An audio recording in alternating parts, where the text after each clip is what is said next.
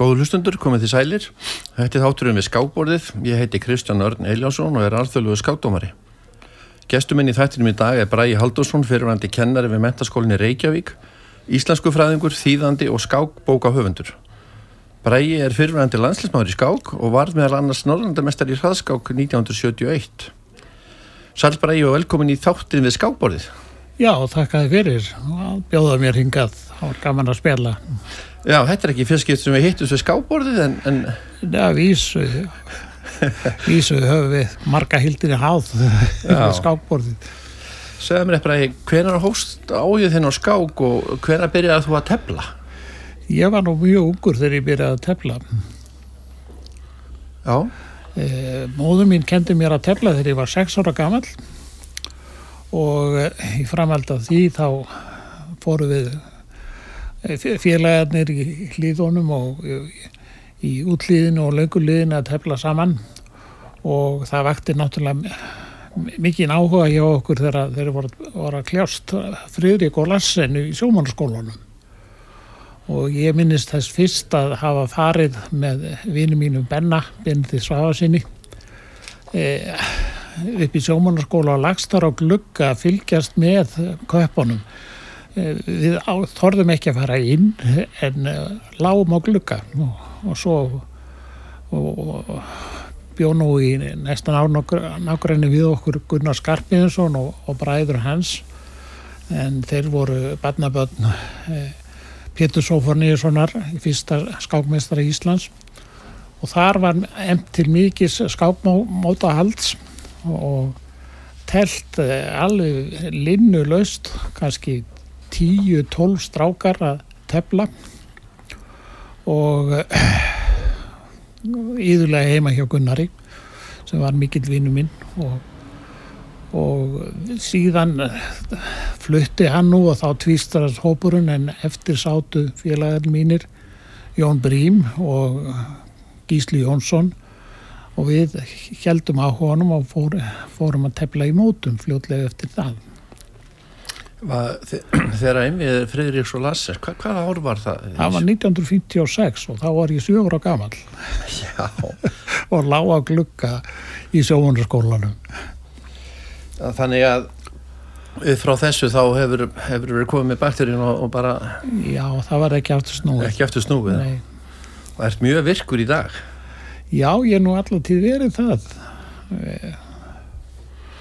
Ég sá að mitt uh, í yfirliti í hérna mitt umvast hérna það var, það var viðtal hérna ja, samantett um í, í, í skák, tímuröndunum skák hvað, 2001, 2002 eitthvað svo leiðis og það var undir sko, það var svona kapli sem hérna íslenskir skákmestarar Já. þá var svona verið að kynna menn þarna eru eitthvað vel og annan tög blaðsina um þig Já. og ég sá að mitt í yfirliti sko Þú hefur tekið vel saman uh, þau skápmátt sem varst að tefla á, með, með dagbók bara, hefur þú haldið ykkur að dagbók við þetta? Já, ég á nú allar mína skákir held ég, ég afrið af þeim og geta ræðið þessu saman en þetta er nú komið í einhvern haug sem að ég legg valla í að ráðast á sko.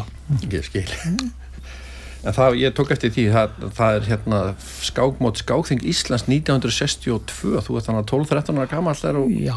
ert að tefla þar. Já, raunar byrjaði aðeins fyrr, þá úlingamestaramót Íslands var fyrsta móti sem var haldið á vegum tónstundaráðs, minni mig 1962 og þá var vinum minn Jón Brím Íslandsmeistari úlinga og ég, ég var nú neðar, neðarlega þá og Sveitur Rúnur Haugsson læknir, hann var líka meistari og ítla viðráðanlegur á þessum árum. En því miður þá hætti hann nú að tefla mestuleiti þó hann hafi fylgst með skák. Bróður Róttars Felix. Já, bróður Róttars Felix. Sem síðan var formaður Tafélags Reykjavíkur. Já, passar. Í þessu yfirliti þá tók ég, tók ég með eftir ég var að skoða það áðan það er bara 1985 sem ég sé enga skákir, hvað var eitthvað að gerast hjá þér 85? Já, ég flutti út á land sko, ég var, aðstofskólumistari á Söðugrúki og var þar fluttið 1981 og þá, þá hætti ég að tefla svona miklu leiti nema að ég teldi þetta aldrei á króknum þegar þar var endurvækið eða reistu frá döðum skákfélag Söðokróks sennilega til þess að ég var mættur á staðinn. Og svo fór ég að tefla með þeim í deildakefninni en e, þáttaka minn í skákmöndum e, minguðu þá en það var ég þá komin í ábyrða mikið starf og, hafði ekki tíma til að sinna þessu eins og ég hafði gert áður. En uh, uh, ég kannski ef við förum á tímabilið þegar tímarætti skák Jóhann Þórir gaf það út. Með miklu myndarskap í mörg ár. Og þú uh, komst uh, svolítið mikið að því starfi og þýttir uh, fullt af bókum. Ég gerði það, já. Og e, fyrsta bókin sem við þýttum saman, ég og Bræði Kristjánsson og Ragnar Þór Ragnarsson var skákverið. Og síðan komu bækurnar í rauðum e, hvernig ég var heimsmystar eftir Mikael Thal besti leikurinn eftir Hort og Jansa og Baraton á borðun eftir eh, David Bronstein sem ég kynntist síðan persónulega. Og það var mjög ánægilegt en það mjög frumlegur skákmaður og, og sérstakur maður. Og nú eitthvað skrifaði nú fleira fyrir Jóhann Þjór Þóri oft greinar í skákblæðið og og, eitt og annað Það er já, þú hefur hérna svo skrifaður sjálfur frumsamið eh, eina bók eina skákbók var, var það hérna heimsbyggamót stöðar 2 eða? Já, það var það var nú eiginlega slís að ég skrifaði það bók Jón Þórið bað mig um að, að skrifa greinaflokk í tímarætti skák og hann útlutaður mér þremur tölblöðum til þess að skrifa um mótið og átt að velja skákin en síðan þegar ég fór að skoða þetta þá var þetta svo merkilegt skákmátt að áður ég vissi að það var ég búin að skrifa heila bók.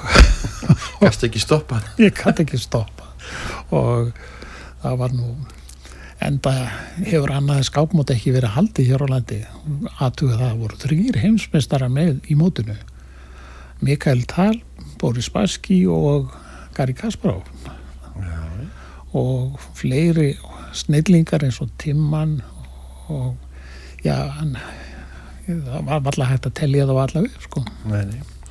Svo hérna skrifaður bók uh, í saminu við Helga Ólússon og Jón Torfarsson um, um Benoni. Já, það var nú eiginlega eh, hugmyndi Jónas Þóris að þegar við vorum í, í Eh, útför Benónís í bústaði kirkju þá var erfið drikja þar sem var ákallega skemmtileg því að, því að, að sögurnar um Benóni gengu þar. Og Jóhann Þórir varpaði þá fram þeirri hugmynd að það þurfti nú eiginlega að skrifa bókum um eh, Benóni og við tókum undir það við þrýr, ég og Helgi Ólafsson og, og Jón Torfarsson og svo voru við næstu árin að týna sama skákir Benóni sem að lágu nú í það og sapna sögum um hann sem er náttúrulega ótalmarga því hann var náttúrulega goðsaga í eigi lífi sko Skröldluðu karakter eða ekki? Mjög svo, mjög eftirmiljur og gleimist einhvern sem að kynntast honum. Nei Svo sé ég að uh, íslenska skákmæstar þú hófst einni sam, eh, sko, íslenska skákmæstar árið 1980 á sann nafnisunni Kristjánssoni, Braga Kristjánssoni Já. Var það gefið út svo? Það kom út eitt bindi. Það var, það var skákmæstarar A til B og rétt byrjað á B-inu. En var, við vorum búin að sapna miklu efni og því þurfti Braga hverfa frá því og, og ég tók eitt við því. En þegar ég flutti í Norður á Söðugrúk og gerðist aðstáðskólamistari þar þá tók Trösti Björnsson við þessu. Og meiningin var að gefa út uh, röð bóka um íslenska skákmistara sem hefðu tekið þá til landslýflokki og Trösti held áfram að sapna efnum það og það endaði nú með því að hann hafði samband við mig og kræðist þess að ég skrifaði eitthvað um sjálfa mig sem ég og gerði. Og síðan byrtust þessar greinar í tímarættinu skák svona í röðnu í nokkur ár. Þar til að Jóhann hvarf á vettvangi og þá var eiginlega sjálfhætt en ég veit að Tröstu Björnsson á heilmikið efni um, um íslenska skákmæstra hann held áfram að sapna mm. en e, útgefandi hefur ekki fundist að þessu. Um, Ég veit að þetta er svo mikið þannig ég hlaðast að bara nefna nok nokkur andrið hérna. Þú þýtt nokkara skákbækur tal gegn bótvinnik eh, skákkverið og svo lærið að tefla besti leikurinn listina sundugurinn eftir Jan Timman. Og bara þannig á borðinu hvað, eitt og fyrst ána bindið og svo hérna David Bronston tí, Tíkur að tafli eh, Tíkur að tafli, það var ekki já. eftir Bronston það var, það var eftir uh, Simon Webb. Það er rétt að það fyrir ekki það það var bara þannig á borðinu eftir. Já, já. og e, það fjast nú ekki útgjönda þegar hún er bara til í handreiti hefur ekki verið gefin út en Sæði mér eitt, þú, maður verður eiginlega að spörja um svona mikið um, um þetta hérna, þú ert búin að vera svo virkur í mörg ár og prófa margt, þú hefði farið á mótælendis, varst ekki ekkert um að liðstjóri hvað, í álupimóti, hvað, hvernig sæði mér aðeins frá því? Jú, það var alltaf sögulegt, það var álupimótið 1976 sem var haldið í Ísæl og það stóð mikil stýr um þetta mót því að Östurblokkin og Araparíkin kerði svona ekki um að mæta til Ísæl og, og þá var haldið svona anti-ólfípumóti í Túnis þar sem öll austurblokkin mætti og, og, og Arabaríkin mætti þángað og ástandi í Ísæl var nú heldur ótryggt þá og, og voru vomur á mönnum hvort að það ætti nokkuð að vera með í þessu móti. Og bestu mennindir eins og Freyrík eh, og Ingi þeir voru ófálega til að fara á þetta mót. Og eiginlega skáksamtög var það búið að afráða að hætta við að fara mótið og bara láta þetta mót framfjáð sér fara. En þá var haldinn fundur útarkisar á þeirra Norðurlandana sem mættust held í Oslo og þar sammæltustur um það að það veri skilda Norðurlandana að mæta á ólbíumóti í Ísrael. Og bóð komum frá auðvaríksaráðinu um það að Ísland ætti að senda sveit hvað sem tautuðu og raulaði og, og það sem meira var að, að þá þurfti að ná saman liði. Og ég var nú kannski ekki fremstru flokki til að vera valin í líðið og, e, en e, það varð úr að auðarkisráðuniti sagði að já, hún myndi stríðstryggja all líðið og svo voru saman tekið ráðum það að Norðurlöndin lið frá Norðurlöndin myndi öll hittast á tilteknum degi í Kaupanöfn og þar býði eftir þeim flugvel frá Elal sem er færa með á beint til Ísrael. Og þegar við komum til Kaupnafnar þá voru okkur smala saman í sal afsýðis og þar voru liðin frá Norðanlundunum komin og undan okkur. Og skuggalegi náungar gengu vöppuð í kring nefnilega liðsveit frá Mossad leinuðurlusti í Ísæls og síðan voru við leitir nánast undir herrvend út í flugil og voru við einu farþegarnir sem fóru fóru til Ísrael. Og þegar við komum þangað þá, þá hóst mikil vopna lit og áður en við komist upp á hótelherbyggi var búið að umsnúa öllum farangri okkar þrýsa sinnum og við erum búin að fara í gegnum mikla vopna lit og þannig var þetta mót aldrei sérstætt og eh, bandarækjaman unnu þetta mót en eh, skáksalurinn var Eh, hans skásalan eins og var gætt af, af herrmönnum með vélbísur og maður þurfti að fara gegnum vopnarleita áður en, áður en eða maður þurfti að fara klóst, klósetið og þetta fór nú ekkert voðalega okkur og margar sögur mætti segja frá þessu Hverjir, hverjir voru í sveitinu? Það var Gundur Sigur Jónsson og Björn Þorstursson, Magnús Olmundarsson, Björgun Vílusson og svo voru tveir ungir strákar sem síðar átti eftir að koma mikið við sögum Eh, Helgi Ólafsson og Margi Pítursson og það, þetta voru þeirra fyrstu mót á Olbjumót sem áttu eftir að gera garðin fræg Já, heldur hvað tíu árum sinna heldur betur já. já, já. Og er þetta ekki gaman að standa í þessu þrátt fyrir eh, stressið eða eitthvað? þetta var náttúrulega þetta gleymist aldrei þetta var mjög sérskennilegt mót. Þú myndist á Guðmund Sigurjónsson. Já. uh, sko sko hann er okkar annar stórmestari já. Ólafsson er fyrsti stórmestari okkar svo kemur Guðmundur. Já, hættir hann snemma að tefla eða hann, hann er svona það er kannski ekkit margir sem veit á hann sko sérstaklega ekki svona yng, yngri kyns, kynslaðin hann var náttúrulega mjög vel að sér og sterkur skápmaður en uh, uh, einhvern veginn uh, leitist honum að vera að þvælast einn í útlöndum eftir mér skilst rétt og hann heila misti listin á því að standa í þessu að vera, vera atvinnuskápmaður en það getur það verið einmannlegt lífi eitthvað einn að þvælast í, í hótelherbyggjum hér og þar í, um, um, heim, um veraldakringluna sko. já en hann verður nefnilega að svara því frekar sjálfur. En, einmitt. Það var eitthvað sem sagði, þjálfaði hann ekki meðal annars Hannes Lífar Jú, hann gerir það. Það skilst að sko að, að, að það sé bara mikið honum að þakka. Já, já, já, að Hannes bara var heimsmeistari á sín tíma. Já, já. ég er ekki svo því. Já. Hefur, talandu um þjálfun, hefur þú eitthvað verið að þjálfa? Nei, ég hef nú ekki verið ég hef ekki lagt það fyrir mig. Alveg sloppið við það. Já, ég sloppi við það svona mestu leiti en uh, Já, ég kannski segi ég var nú kannski fyrst í kennari sem að kendi skák áfanga í framhaldsskóla. Og það var í Keflavík og, og síðan í Flensborg. Og það af nefndu mínu þar má nefna Björgun Jónsson og Ágúst Karlsson. Það mjög góða skákmenn og lögmenn. Og lögmenn, báðu tveir og raunar fleiri sem eru virkir, virkir skákmenn en, en þetta í dag.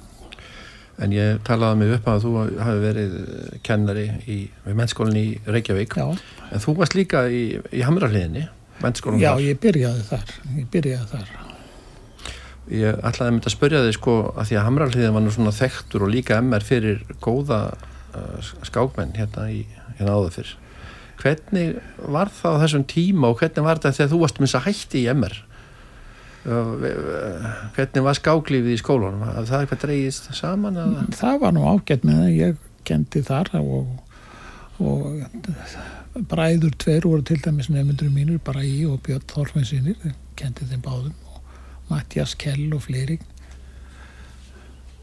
Og og var virt þá semst skáklífið í skólanum en menn náttúrulega að vera að æfa, Já, æfa já. með sínum félagslegum Já, kannski já, ég fór með, með, með sveit frá, á Norðanaldar mót skólasveita þegar um, MR var Norðanaldamistari og þá voru þeir báður í sveitinni eh, Björn og Bræði og við fórum til Finnlands og ég var þar liðstjóri eða farastjóri mm fyrir þeim. heimsbyggarmótið þú skrifaðir eitthvað skrifað þú ekki bók um Jú, ég var... heimsbyggarmótið 88-9 eða, eða Jú, ég var nú búin að segja þér frá henni. já og hérna hvernig gekk að safna efni hana og, og, og Það gekk Það- nú, það bara- tók nú tíma. vel. Það gekk vel sko. Og þetta var ég starfsmæður þarna við í mótinu og fylgdist vel með já, og, og kosti návi marga þessum þáttökundum þar og, og gatt síðan með nótverðni skýringar þeirra sömra úr ellendur skápblöðum sem ég síðan notaði og, og kannski endur hefur, svo, þetta hefur breyst mikið síðan að tölvunar komu, hvað var það bara sko, skrif? Nú, Já, nú, já. nú náttúrulega að vísu er búið að, hérna, kannski þér að þakka að, að, að tímanætti skáki komið út aftur, það var nú einhver, eitthvað hlýja á því og, og hérna Já, þú ert búin að tala um að á miskundi tveimur aðfundu sem, sem ég man eftir að þú krafðist þess bara að það er gefið út aftur. Já, ég svona var, reyndi að róa því öllum árum og, og beita mér fyrir því að, að menn læljandi ekki söguna leka úr höndum sér sko. Því að skápblæðið þó að það kepp ekki við netmiðla dagsins í dag þá er hún er skápblæðið varalega heimild til fyrir framtíðar um, um skák, skáksöguna og hún má ekki glatast það er mínum andi og þess vegna beitti ég mig fyrir því að að samfæra menn um það að þetta var nöðsulegt að gefa þetta út og fegnum góða liðsmenn í það, Jón Torfarsson og Ögmund Kristinsson til að styðja mig í því að koma, koma þessu gegn á aðalfundi skáksambansins og það var ekki alveg þrautalöst Samt erfitt að standa á móti því. Já, vissulega. Ég reyndi að haga því þannig að það var ekki hægt. Já. En uh, það, núna kemur það semst út tviðsvara ári þá Já. og hérna það er haust og voru vantarlega Já, og ríðstjóri núna er Gauti Páll Jónsson sem Já. er, hann er nú komið enga í þáttinn. Var að, var að forma taffélags Reykjavíkur. Og en þú kemur eitthvað aðeins og ekki, þú er, ert að prófa já að ég eða svona slíkt. horfi yfir öxlina á, á skrifjandunum og við Jón Torfarsson eh, lesum prófarkir og leiðréttum með okkur þykir þörf á því að gera það. Og stundum er það nú reynsilegt til þess að þetta sé framfærilegt Ég verður líka að grípa tækifærið uh, út af tímarættunum skák og, og, og þú kemur svona mikið að því. Jóhann Þórir, við höfum aðeins fjalla af Guðmundi G. Þórensson var hérna hjá mér uh, fyrir einhverjum tveim mánuðum kannski. Aðeins rættum um það, kynni þínu og honum og, og hann verðist að vera svona hamleipa í þessu skáklífi. Hann var það, hann var það og, og ákarlega hugmyndaríkur og, og stundum eins og vill nú verða um, um menn sem eh, fá of margar góður hugmyndir að, að eh, sumt fyrir í handaskólu hjá þeim en, en eh, Jóhann einhvern veginn tókst Jóhann tókst í, í, að koma miklu og góðu verki til leiðar með að gefa tímaliti skák áratugum saman. Og tala nú ekki um hvernig hann var liftistöng fyrir íslensk skáklíf með því að halda helgarmótum út um all land. Þau verðu 50 talsins. Og hann á ekki lítinn þátt í því að að fjórmenningarnir urðu þeir sem þeir urðu með þáttöku í þessum mótum sem að hann stemdi til. Og auk þess þessum milli held hann alþjóðlegu mótu víða um land Akureyri, Vestmennum og víðar og fekk þekta mistara til að koma eins og Timman og Sjort og, og Lombardi og fleiri. Þú meintist þeim þetta á þetta áðan að, að hann hefði stungið upp að því að þið myndu skrifa bókum Benóni Já, í, í, þarna eftir jarðaförunni, er þetta ekki unni já, já, já, já. Og hérna hann hefur verið lungin að, sko fá menn til þess að, að vinna. Því Guðmundur sagði mér að, að hann ætlaði sér aldrei að vera að fórseti skásambansins hann, jó, hann hefði bara svona sagt honum að já, gefa kost á sér. Og hann skildi bara sjá um þetta fyrir hann svona, fekk hann svona, svona plataðan en að gefa sleppa til þess að verða fórseti já, hann var náttúrulega, það var svo auðvelt að rífast með, með, með honum að, að taka þátt í einhverju skemmtilegu. Og ekki stóða hugmyndunum en stundum var nú kannski fjárhagslegu grundvöllur fyrir uppátækjum hans ótraustur og, en hann hugsaði ekkit voðalega mikið um það.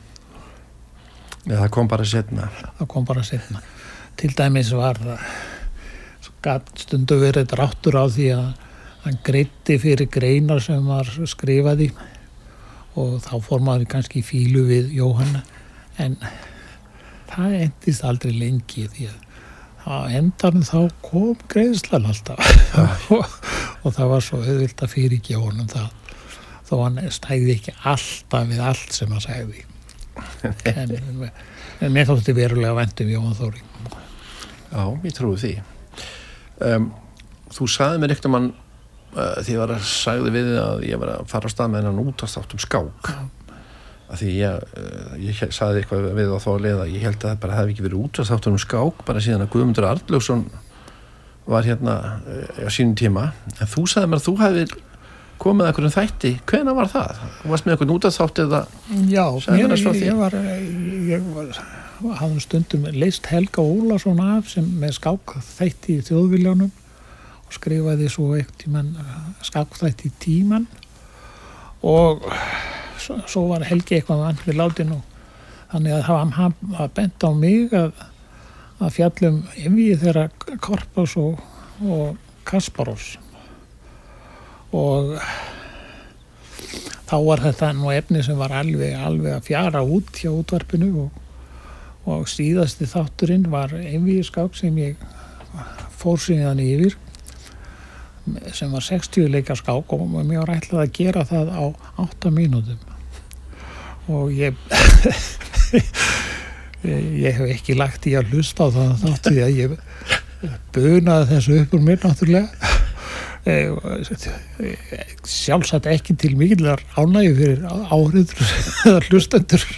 Varst þú þá bara að lesa E F4, E5 eitthvað svona? Og, já, já, já, ég, ég hafði engan tíma til að gera þetta og, og var sagt bara að þú bara, þú fær bara áttamyndur og takk fyrir já, en án til þess hvað sko, skákinar voru lengra en geta, langar ég gæti ekki skipta eitt eða neitt út. Og þá var, þá var þessum skákþáttum sjálf hægt held ég. Hvena var þetta? 8, 10, það var í á Spáni hvernig var það? Hvernig var það, býtum nú manni þetta ekki cirka svona, það hefði verið 90 og 2 92 eða 4 eitthvað svo leið og þannig að þá, þá hafið verið með svona eitthvað svona kálfi eða hefði Já, eftir, eftir tíu fréttur á kvöldin þá kom skákþáttur og það sem fara verði yfir einvið skákdagsins með já, og en um, ég er ekki, er ekki mjög stoltur af þessu nei, nei, þetta hefur en ég man líka eftir því þegar maður var ungur að, að þarna, þá tók maður um uh, upp rúf á segabönd og, og, og þegar Guðmundur Arljósson Já, var og maður tók upp og svo skrifaði maður þetta í stílabúk bara uh, þegar þátturum var búinn fór yfir skákinar Já, Guðmundur fekk nægan tíma og las hægt og rólega þannig að maður gæti fylgst með á borðinu en það var alveg útlokað að fylgjast eftir með mér á borðinu. Við ætlum að fara í auglýsingabrægi Já, en eftir, eftir auglýsinga fáum við lag. Já. Og hvaða lag valdur Ég valdi lagið í fjarlægð eftir Karl Orun Nólsson sem uh, uh, Garða Kortes syngur. Þú, Ég, ég nautur að rána ég að kynnast Garðari og hann var algjör snillingur og ég vildi minnast hans og hann, er nýlátt. Við skulum þá fara í auglýsingar og fáum svo Já.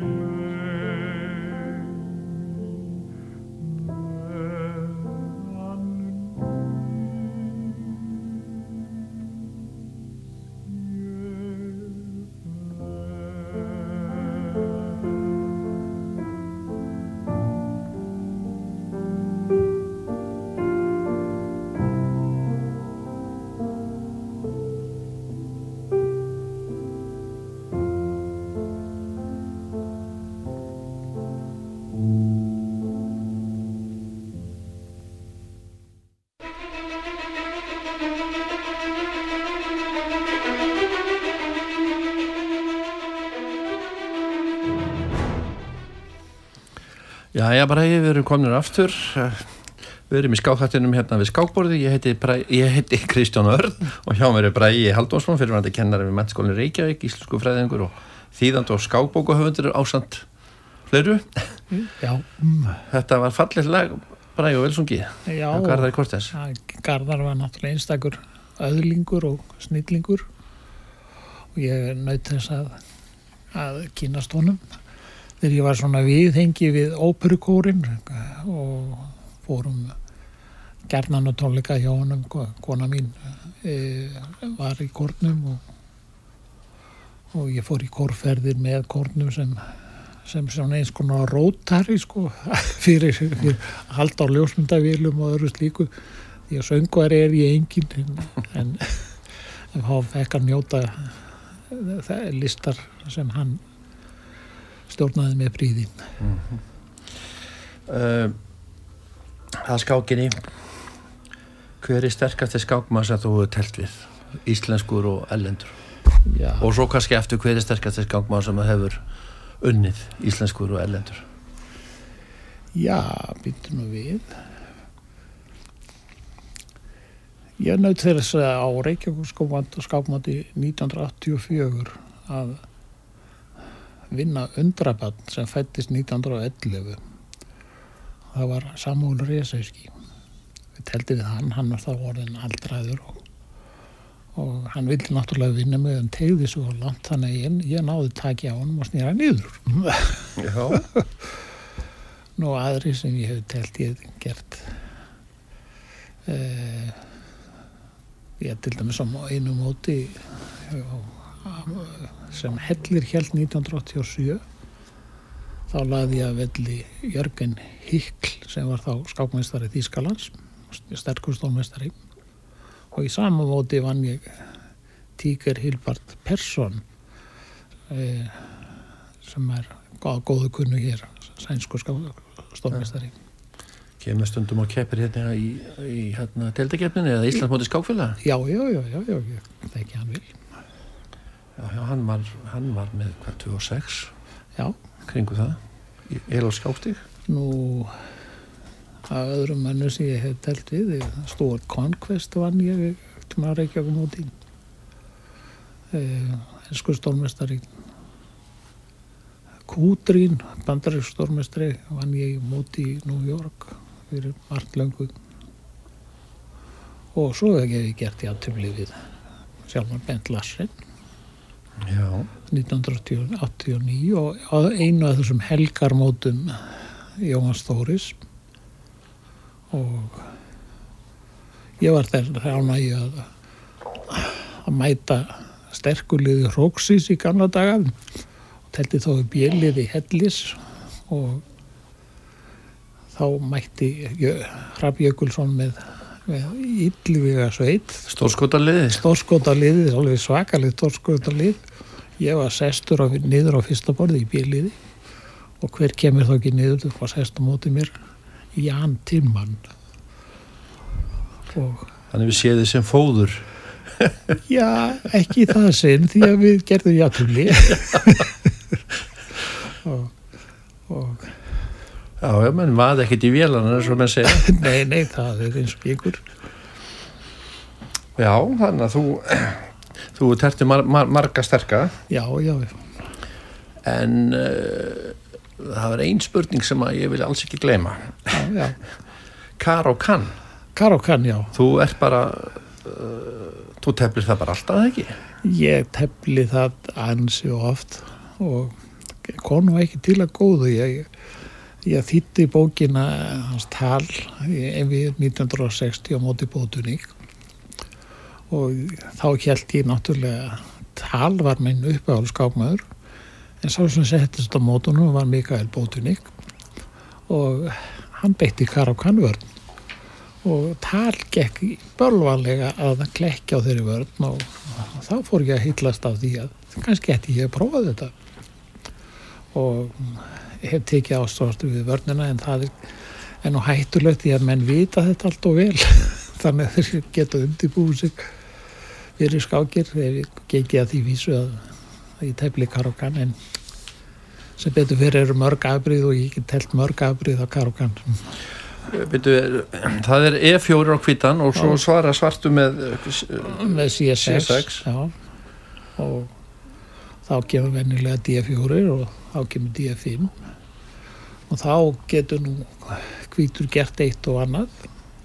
Annarkort dreipið á D5 eða leikið rítari C3 og þá dreipur svartur á E4 nú eða þá hann leikur peðinu E til E5 og þá komið ykkur allt önnu staðu upp.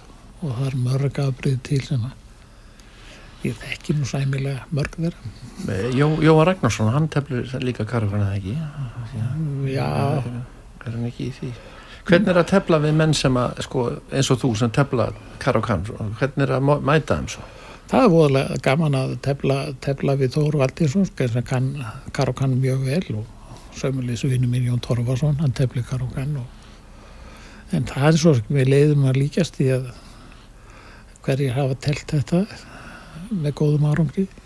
Það má nefna Mikael Bóturík Anadóli Karpov og með þessi að Gary Kasparov. Mesti sérfræðingurinn í Karokan núna er, er Dref eh, rúsnarstormestri Alessandi Dref Alessandri Dref, mjög góður.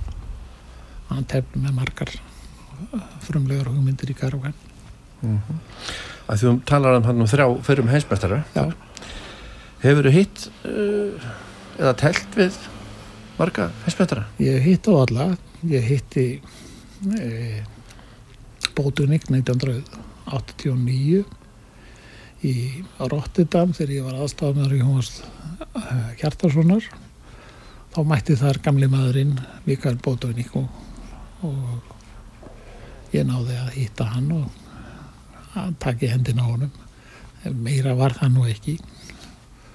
Nú, Karpo hef ég náttúrulega hitt á stúdendamótum fyrst í Graz 1972 og svo Kaspara hef ég hitt líka hér. Og fleiri heimsmystari hef ég hitt. Karlsson Karlsson Bobby Fischer hitti ég hér í bókabúðu í miðbæk á hverju skutunni Já, hverju, neða ekki skuturinn upp í mála menningu. Já, já, og ég tók hann tali og gætti þess vandlega að, kynna mig að ég væri fyrirverandi skápmaður já, svo. Og, og hann tók mér með afar vel og við áttum stuð spjall saman. Og svo ég hef hitt náttúrulega Smislov og og, og e, já hverjum gleifum maður. Og, og tal. Og náttúrulega Boris Baski og Boris Baski en þú farið uh, fleiri utanarsferði svo ég farið hann aftur uh, þú farið á hvað, tvö, tvö olipimóti eða hvað Já, þá setna albumjóti var í Lutsen í Sviss eh, 1982 þá hafði Jóhann Þórir af sinni afintöra mennsku bóðist til þess að gefa út mótsblæðið fyrir fyrir e, og hann Þetta er rétt- líst þú sinni ævintri mennsku Já, og hvað við það, hann hóaði saman liði hér og einn ein, eh, 15 stykki sem hann dró með sér til Lutsen í Sviss til að gefa út uh, mótsblað Olmilblaðsins og ég átti að vera þar blaðamæður og nokkrum sem maður mætti nefna Áskilt Kárasson var blaðamæður þarna líka Júrandur Hilmarsson og og Yllifi Jökulsson var í liðinu með fleirum. Og mér var ætla að vera blaðamöður en, en það ægslaðist nú eiginlega þannig til að Jóhann var í einhverjum eh, basli í samningun sem var ekki búin að ljúka þannig hann gæti nú lítið sindan um einhverju lögfræðiþrasi og með honum var Sigurður Gísurarsson fyrirhandi síslumadur og vinur hans. Þannig að ég var gerður aðstóður yðstjóra og það var telt í, í íþrótahöll og reytstjórnarskrifstuðu þurftum við náttúrulega að hafa og, og það reytist vera sturtuklefi sturtuklefi í þessara höll. Og þar satt ég og ásamt Lombardi sem var með í liðinu og, og kon nú vel til vinna mér og lópandi. sem var yfir skákstjóri í, í heimsmyndarmótunni Já, já, Spiss Baski Fiss 72 nei, hann var aðstofnar já, að- aðstofnar Já, og, og, og, og Guðmundur Arlursson var með í för líka. Við vorum titlaði sem rítstjórar, Eh, náttúrulega Jóhann aðal rítstjóra eins og voru við aðstofar rítstjórar og það kom eiginlega í minn hlut að skipulöpa á hverju degi hvað er í blaðinu. Og nú brösulega að koma fyrsta blaðinu út en það hafðist einhvern tímann rétt undir morgun daginn eftir sko eftir mikið basl og svefleysi í prentsmiðum og síðan komum við ljósa þetta gekk og þá fór að byrtast í sturtuklefunum skákmeistarar sem vildu koma greinum að í blöðið og, og þeir buktu þessu og begðu fyrir mér að ég var nú aðarkam kallinn þarna. Og það var þessu vildi fá að byrta skákþrutir til dæmis Palbenk, Gurganítsi og ímsir aðrir sem vildi koma efni að í blæðinu og, og ég leita á þetta og, og sagði, jú, ekki líklega er þetta nógu gott eða, og sagði svo kannski við einhvern annan, nei þú voru að gera þetta betur. Og, og þetta var mikið aðvitýri Eh, Þú varst uh, þú varst hvað varst það á heimsmið þú varst stúd, stúdenta eða þú varst Já, það var heimsbyndar mót stúdenda var haldið gjarnan. Og ég fór á tvö mót hann 1972 í Graz í Östuríki mm. og þá formaður úr miðju heimsbyrstreifinu sem var gangi hér og fór til Graz og fór þarna eh, að horfa á Dr. Robats, austurískan stór, stórmestara sem var með skákskýringar í austurískan sjónvarpinu og við strákarnir sem vorum á þessu móti flyktumst náttúrulega að horfa á austurískan sjónvarpinu og áhandar hópnum var Anatoli Karp og Tókmakov, Balasjóf og Vagamjan og fleiri og, og, og var ákvæmlega gaman að þessu því að þeir hafðu ímsa skoðanir á tafnesku spaski og fysses á þeim árum Já. en þú hérna svona maður, þú nú gert garðin fræða líka þú hefur verið erlendi, þú verið varst norðurlandamestar í, í, í hvað hraðskák 1971 Já, það var mótið haldið hér í Norrannhúsinu og lókmótsins þá e, var haldið hraðskákmót og ég vann það með talsverðum yfirbyrðum. Já, Ég var nokkuð segur í hraðskák þegar ég var yngri. þú ert það nú reyndar ennþá sko Já, ég er nú fallandi stjarnar. en maður fara að rifja þetta upp sko þetta er sko 71, þetta er hvað 52 ár síðan Já, já, já. Ég var enn gaman að þessu. Já Þú tefla fullu svo ég sá viðtafið í, í morgublaðinu í 2014 Já, þá varstu orðin uh, hvað, öldungur, ekki 65 ára? Jú, jú, þá geta menn telt í öldungaflokki þá, jú, þá byrjuðu menn með það hérna. Hvernig hefur þið gengið í, í þeim flokki? Hefur ekki og þú Þór Valdísson og fleiri. Áskell Örn að vera að tefla. Björgu Viljansson og, og fleiri. Og við höfum farið e, á heimsmystaramót öldungar í sveitakefni í Rótos fyrir fjórum árum og svo aftur á Europamót öldungarna í Þýskalandi núna síðastlið haust. Það er góði félagar eins og Áskell og Björgun Viljansson, Jón Kristinsson og, og Jón Þótt Þór og Kristján Guðmusson á alveg þokkalegt lið. Ég hitti Kristján Guðmundsson í gær inn Já. í Hafnarferði, hann var að kíkja á aðra umferð hérna í, í já, skákþinginu sem er núna stendur yfir í Hafnarferði í já, þriðið umferð núna hefst klukkan þrjú. Og hérna, hann var að fylgjast með og ég. Já, já, við teflum, erum með klúb, við hittumst á sundarskvöldum, svona enga klúb og teflum þá. Gamli kallar. Er það sami klúburinn og varinn í Taffilega Ríkjavíkur að tefla á mándum, á sundum, sundum. Já, Já, þessi hann klúburinn. Sá klúbur á sér langa sögum. Eh, var að kalla reyðskóla klúburinn og sem að Ingvar Ásmusson, stóru vinu minn, stóð fyrir þegar hann var skólastjóri og raunar þessa klúbur eldri því að eh, við teldum gerðan á lögutöfum, ég og Ingvar og ásand mörgum í heimahúsum, ég misti á honum eða hjá mér. Og, og þar komu ungir efnilegi strákar eins og Jóhann Hjartarsson og Helgi Ólarsson og, og, og síðast þess ekki síst sjálfur bakarinn, Guðmundur Ákursson bakarinn sem var með skemmtilegur mönnu sem var hefur, hefur hýtt á lífsliðin sem rak á vestugötunni árum saman Hótel Skák. Hótel Skák. Hótel Skák. Og hann- var uppbyldisframöður þar og þangað sóttu. Var alltaf opið hús og menn gengu þar bara inn þó enginn væri heima og settist á tabli og það voru strákar eins og Ingjar Jóhansson og Friðrik Ólafsson og Þórður Helgason. Nei Þórður hérna Læknir Mm og ýmsir fleiri sem að ólist upp á hóti skák og svo var það framald á þessu hjá, hjá yngveri og svo að klúburinn var síðan í skólanum og, og núna er þessi leifur hann á honum í tafilinu að tafila Reykjavík þar sem við hýtust nokkur gamlir kallar.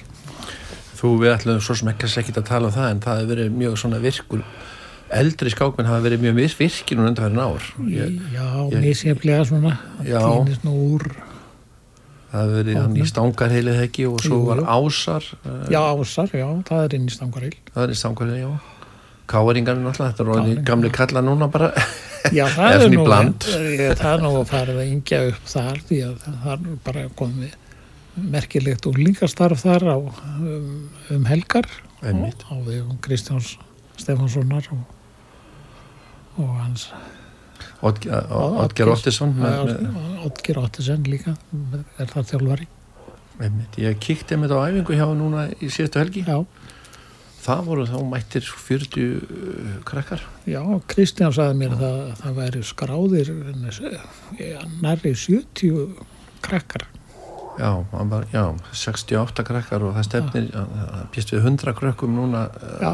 í haust já, þetta, já, það er skákprengja sprengja í Vesturbænum já, og þetta er að breytast úr, úr já, það var svona bara, byrjuðu þetta bara hann í herbyggja, voru að tefla og svo er þetta orðið mikið bara unlingastarf Já. og, og margir að tefla þetta. Segðu mér eitthvað, ég, eh, ég veit hún bara segja mér fullt af sögum. Já. Er eitthvað svona sem er sem þú treystið til þess að segja frá á þess að lendi í vandræðum? ég, ég veit það ekki hvort að svönd nú betur bara að að að þessi tveggja manna talin það sé ekki útvarpað um alland Já, já. En það er eitthvað svona sem að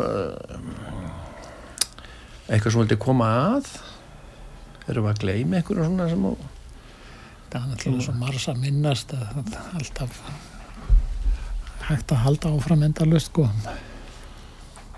já, rétt að, þetta er svo langu Já. en uh, heimsmestaramótinu var að þessi heimsmestarefinu lauk núna um, um daginn hjá Já. Ding Lýrin og Nepo Ding vann, var það Já. heimsmestari fylgdust eitthvað með því? Ég gerði það og satt best að segja þá eh, hef ég undanfjöldum árum hrifist af skákstil Dings og held nú raunar með honum þó að mér þætti nú líklega að Nepo myndi vinna. En Ding hafði þetta á endanum. Já, og skemmtilega loka, loka skák já, já, og þetta einmið var mjög skemmtilegt, kannski ekki gallalaust en, en tappmennskan var skemmtilega á báðabóa Ertu að fylgjast núna með mótunin í Hafnaherri, Íslandsmótinu? Já, ég, ég er að rændi yfir skákinnar í gær. og er það gallalust eða hvernig? það er nú sko að vanda tefla skák eins og þú veist það, það Þetta er, það er raunar aðalatrið að, að eiga síðasta, næst síðasta aflíkin sko. já, ekki það síðasta, þá vinnum maður. þá vinnum maður. En uh, það er einn efstu núna, það er Henrik Danielsson, hann er með tvo vinninga eftir tvær umferðir Já, og hérna, og Lenka, hún er búin að standa já, vel. hún er lenga við staðið sem mjög vel. Hún er með einn og hálfan, Já, gerði jafntöpu í hvað, Jóhann Þóri gerði ekki og, og Jóhann Kjartar ekki gær. já, já, já, ég er búin að tala um Já, Jóhann Þóri já, á það, já, maður já, er festu það, já, já. Jóhann Hertarsson, já. Hvernig, eh, ertu með eitthvað að spá, hefur eitthvað að spá um hvernig Nei, það fer, þetta eru 11 nei. umferðir, Það er nú erfitt að spá um þetta, þetta er búin að nema tværum fyrir þér og þetta er rétt að byrja. hvernig líst þér, sko, þegar engi kvíld, það er 11 umferðir, Nei, er það? Er það? engin kvíldadagur, Já, já, það verður erfitt fyrir þá sem eru eldri. já, það vil nú verða það. Vil nú verða það. Já Svo sé ég hérna því ég fór inn á skák.is vefin okkar sem við skákminn förum gerðan inn á. Þá sé ég að það er frétt. Helgi Ólafsson, stórmestari og Yngvar Þór. Þeir hafa verið valdnir landslýsjálfara núna. Þeir hafa semst að já, verið ráðnir landslýs einvaldar Já. Helgi í opnum flokki og Yngvar í kvennaflokki. Já, og landslýsnefnduðu fórustu Björns Ívars Karlssonar ræði þessa tillög fyrir stjórn SI eftir að hafa rætt við landslýsmenn og landslýskonur þá er þetta vantalega óbreytt nema var, var Marger Pétursson var, var hann ekki þarna með opnaflokkin á síðast ólumpi móti? Já, hann er einlega hljópi í skarðið sko.